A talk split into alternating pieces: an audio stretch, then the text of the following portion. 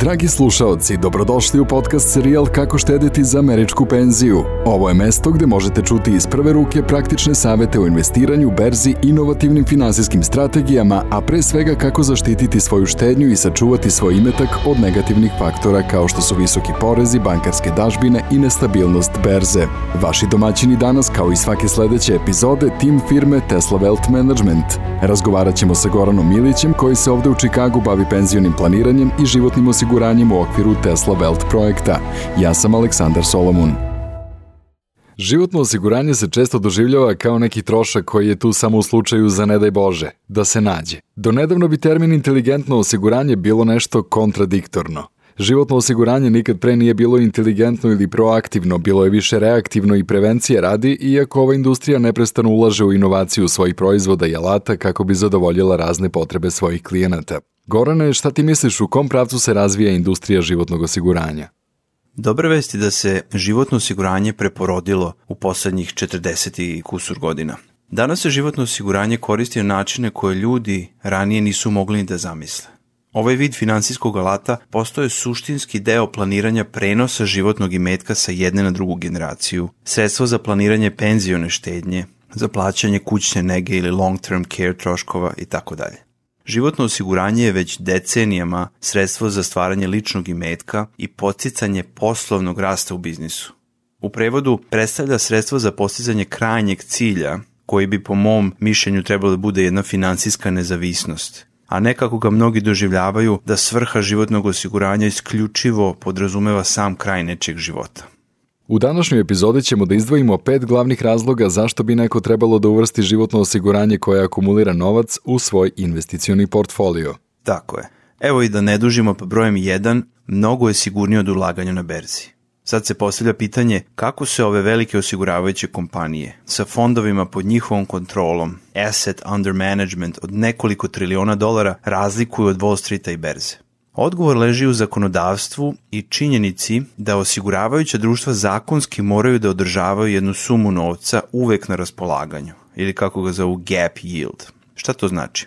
Znači da veliki procenat od svakog uplaćenog premijuma ide u rezervni fond koji predstavlja te obavezne zakonske rezerve. I taj novac je veoma sigurno ušuškan i investira se u vrlo konzervativne investicije, poput AAA obveznice ili AAA bonds.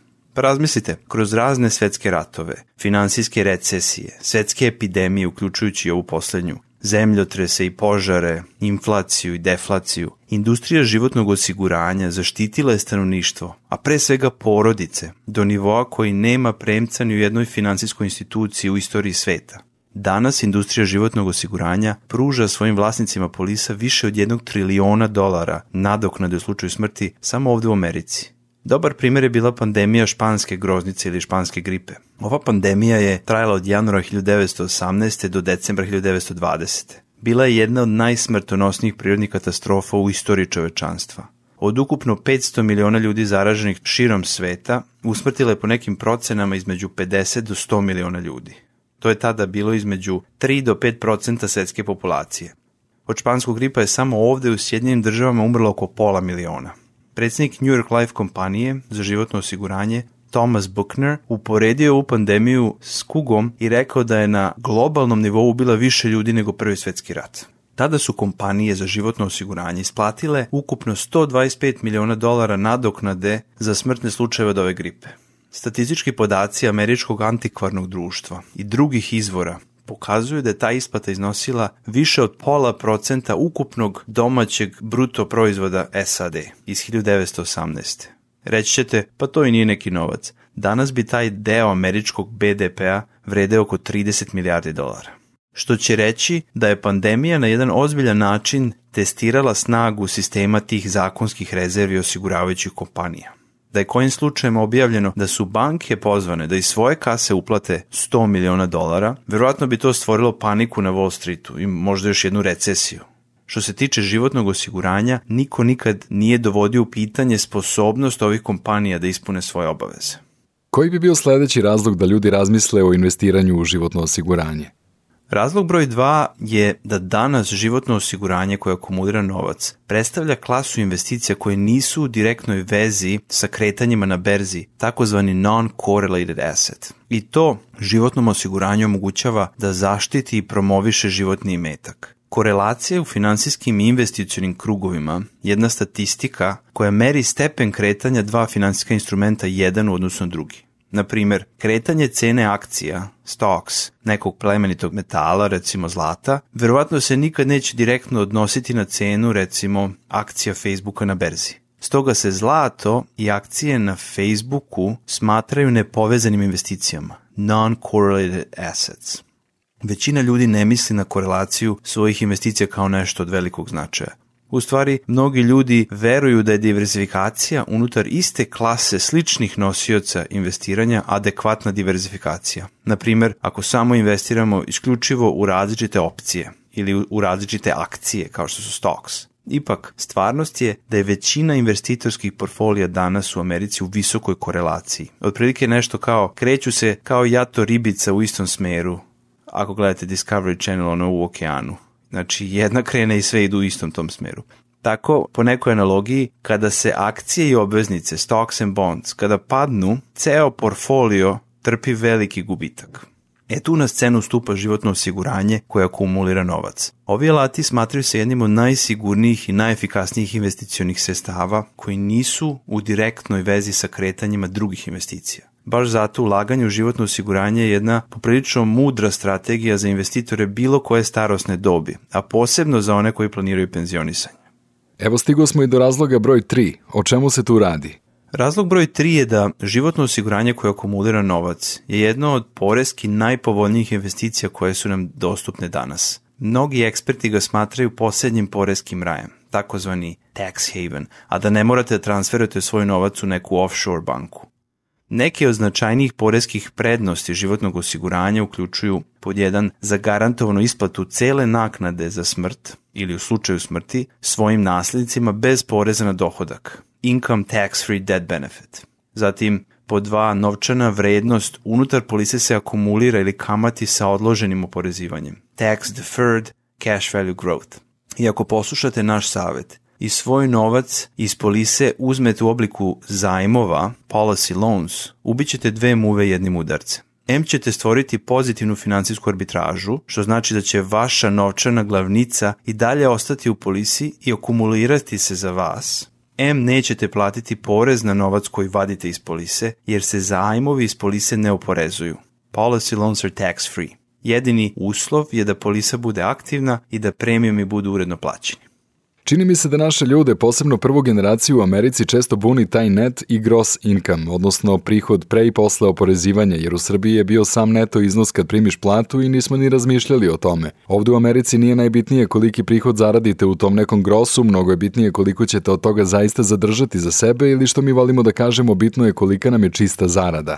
Hajde da pređemo na razlog broj 4. Razlog broj 4 je da je životno osiguranje koje akumulira novac zaštićeno od pada berze, a to je korisno iz više razloga. Jedan od tih je da pomaže vlasniku polise da izbegne neke nagle reakcije na berzu vođene ličnim emocijama. Dešava se da investitori vođeni emocijama zbog nekog pada vrednosti svojih akcija prodaju iste i propuštaju eventualni preokret. To je zapravo bilo baš naglašeno prošle godine kada su se dogodili neki drastični preokreti cena nekih akcija.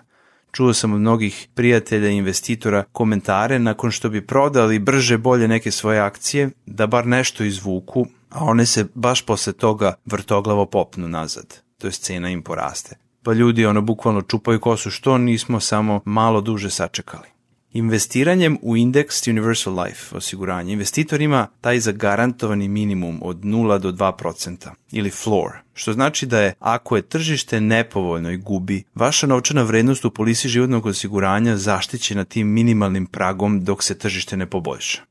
Ovom strategijom omogućavamo našim klijentima da zarade veće neto prinose na duge staze, dajući im više sigurnosti da jednostavno ne diraju svoja sredstva na osnovu trenutnih tržišnih emocija, već da nastave da investiraju u polisu, što im omogućava da ne propuste one ključne datume kada berza i njihove akcije ponovo počnu da rastu.